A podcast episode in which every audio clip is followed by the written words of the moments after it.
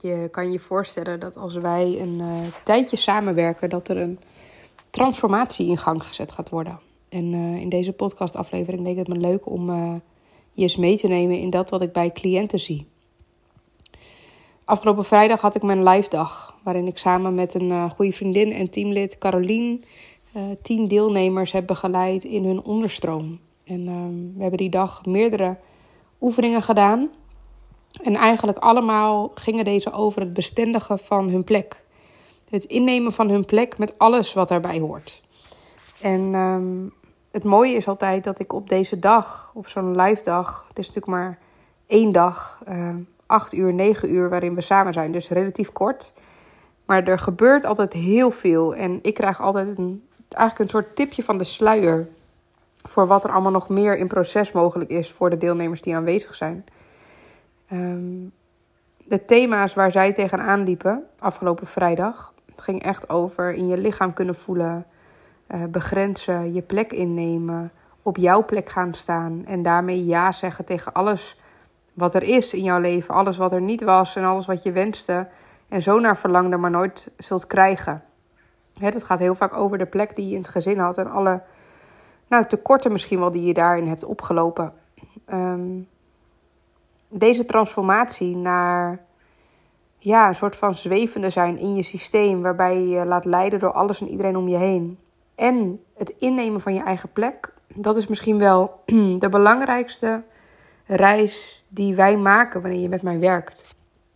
En het mooie is dat je daarin, wanneer je in de onderstroom ja kunt zeggen tegen jouw plek en daarin ruimte kunt innemen, als je daar in de onderstroom ja tegen zegt, met alles wat daar is, hè, dus ook het minder mooie, dan ga je in de bovenstroom iets opmerken.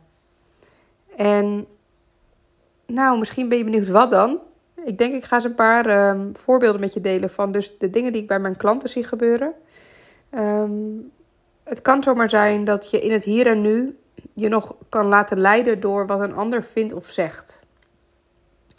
Zeker als je ehm, soms feedback krijgt en je merkt dat je daarin wiebelt. Of je hebt een moeilijk gesprek te voeren en je merkt dat je daarin niet stevig kunt staan. Dan kan het innemen van jouw plek een ontzettend mooie bijdrage zijn om ook echt daadwerkelijk in het hier en nu jouw plek in te nemen. En de transformatie die daaronder ligt, is dus dat je je minder laat leiden door wat een ander vindt of zegt, maar dat je echt kan voelen wat jij wil, kan voelen wat jij nodig hebt. En daarmee dus ook weer je lichaamsbewustzijn activeert.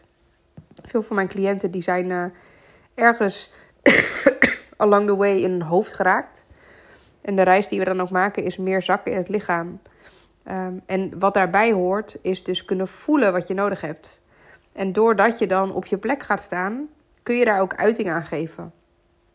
Dus het kan zomaar zijn dat waar je nu nog wiebelt in gesprekken of wiebelt bij feedback, dat je stevig blijft staan.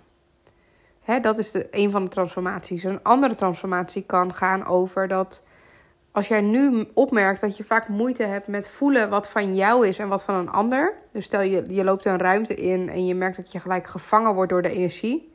Of je bent coach, therapeut of um, psycholoog. En je werkt veel met mensen en je merkt dat je bijvoorbeeld die emoties heel goed kunt waarnemen. En soms ook kunt overnemen. Dus dat je bijvoorbeeld voor een ander aan het huilen bent. Omdat je gewoon merkt, nou die kan dat gewoon niet toelaten. Um, super mooie eigenschappen. Maar het kan ook zomaar betekenen dat je daardoor in een soort weerwar raakt. Waarbij niet meer duidelijk is wat van wie is. Hè? Dus jij bent dan eigenlijk de thema's aan het doorleven voor een ander. Omdat hij daar niet bij kan. Um, de transformatie die hierbij hoort wanneer jij jouw plek in gaat nemen. Is dat je eigenlijk kunt voelen waar de ander stopt en waar jij begint. En dat je ook heel bewust een keuze kunt maken dat je, ja, dat je ervoor kunt kiezen om dus dat thema of dat, die emotie of die gedachte bij de ander te laten. En dus in te zien. Sorry, ik heb nog steeds hooikoorts, ik moet af en toe even hoesten. Dus in te zien dat het niet aan jou is om andermans lot te dragen of op te lossen. Want dat zit hier soms ook in verweven. Dat je zoveel door iedereen aan het doorwerken bent, dat je vooral heel hard aan het werk bent. En daarmee soms je eigen hart vergeet. Um, wat ik ook zie, de transformatie die ik ook zie, die gaat over eigenlijk alles waarmee je ja, uiting geeft aan jezelf. Dus of dat nou is hoe jij je kleedt op dit moment, of hoe je danst, of hoe je spreekt, of welke woorden je kiest, ehm, hoe je lacht. Ehm, dat daar nu kan er soms nog een blokkade op zitten. Dat je je zorgen maakt over wat een ander vindt als jij je plek inneemt. Dus als jij iets zegt. Of als jij op een bepaalde manier danst. Of als jij je op een bepaalde manier kleedt. Dat je bijvoorbeeld aan je partner vraagt van, vind je, ja, vind je dit wel leuk staan? Of aan vriendinnen vraagt, moet ik dit vestje nou wel of niet kopen? Echt op dit niveau, microniveau. Um, wat je gaat merken is wanneer jij je plek in gaat nemen, dat je ook ehm, ja, minder bezig zult zijn met het impressen van iemand anders. Maar dat je meer bezig gaat zijn met het expressen van jezelf. Hè? Dus te zeggen wel eens uh, don't, nou, laugh, dance of hè, wat je ook doet, to impress others, but do it to express yourself. En wat je dus gaat merken is als je, dat vind ik zo mooi aan die quote, op het moment dat jij je plek in gaat nemen, zal je merken dat je minder bezig bent met iemand anders impressen. Hè, dus wat is daar het Nederlandse woord voor? Uh, trots te maken, indruk te maken. Um, maar dat het veel meer gaat over expressie geven aan wie jij bent. En dat kan dan ook omdat je je minder zorgen maakt en minder druk maakt over een ander.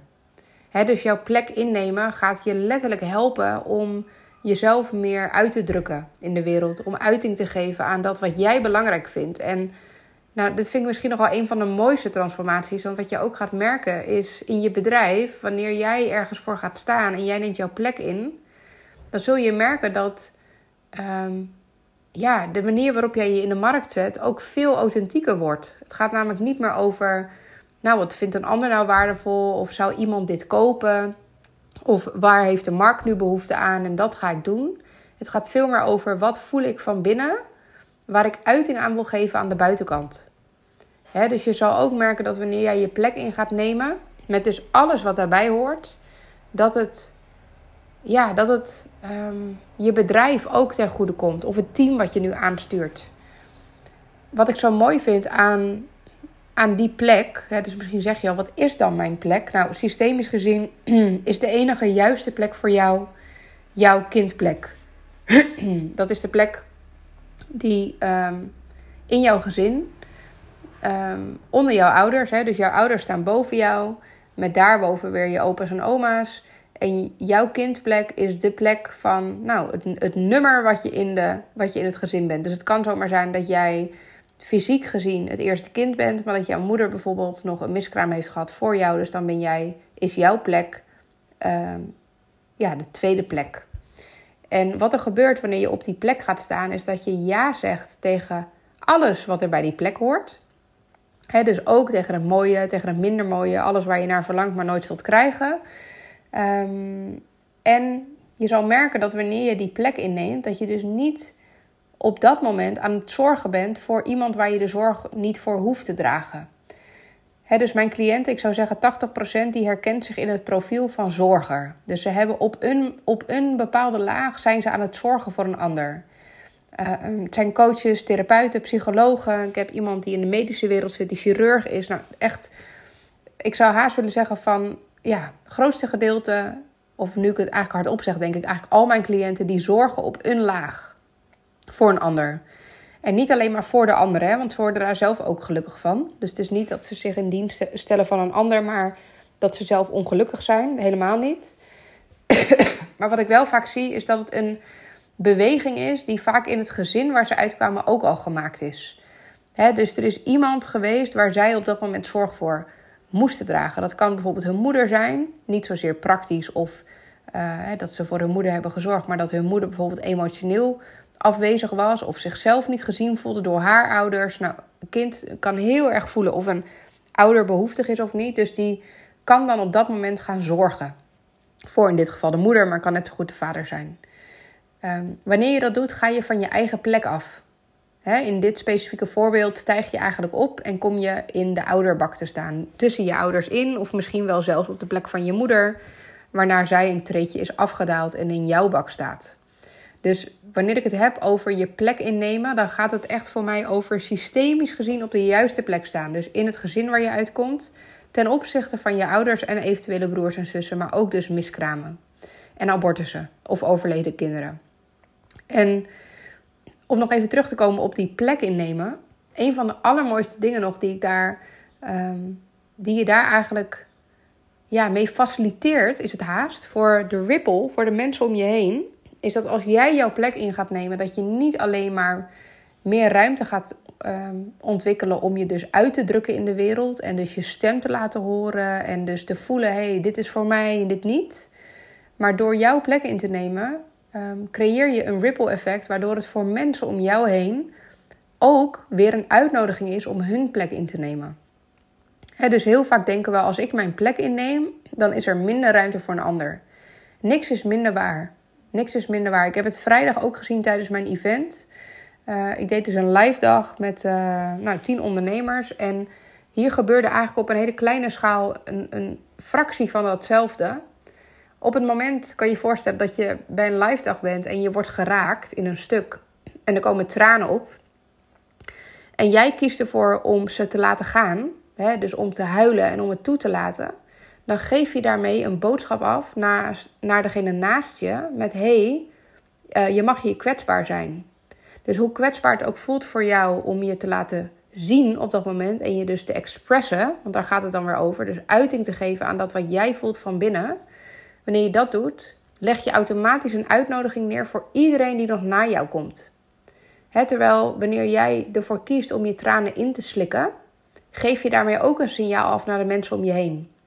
En het is niet een besluit hè, van, oh, nou, Babette, dan ga ik vanaf nu, elke keer als ik geraakt word, ga ik zitten huilen, want dan doe ik dat voor de mensen om me heen. Dit is niet hoe ik het bedoel. Je gaat merken dat wanneer jij jouw plek inneemt, dat er meer ruimte komt aan het uiten van dat wat je voelt. Waar je het voorheen misschien in zou slikken. Omdat je je niet veilig voelt of omdat je uh, dat niet geleerd hebt. Of omdat vroeger als je ging huilen je ouders zeiden nou stop maar. Of omdat je merkte dat het je moeder pijn deed als jij ging huilen omdat zij dan niet wist wat ze moest. Dus er zijn allerlei copingmechanismes opgekomen uh, of ontstaan in de afgelopen jaren. Vaak in jouw kindertijd die ervoor voor hebben gezorgd dat jij dus geen uiting meer gaf van dat wat je voelde. Omdat je je schaamde of je schuldig voelde. Dus wanneer wij gaan werken samen, zal je merken dat door het innemen van jouw plek, en dat doen we dus door nou, visualisaties, opstellingenwerk, ehm, het werken op kindstukken, innerlijk kind.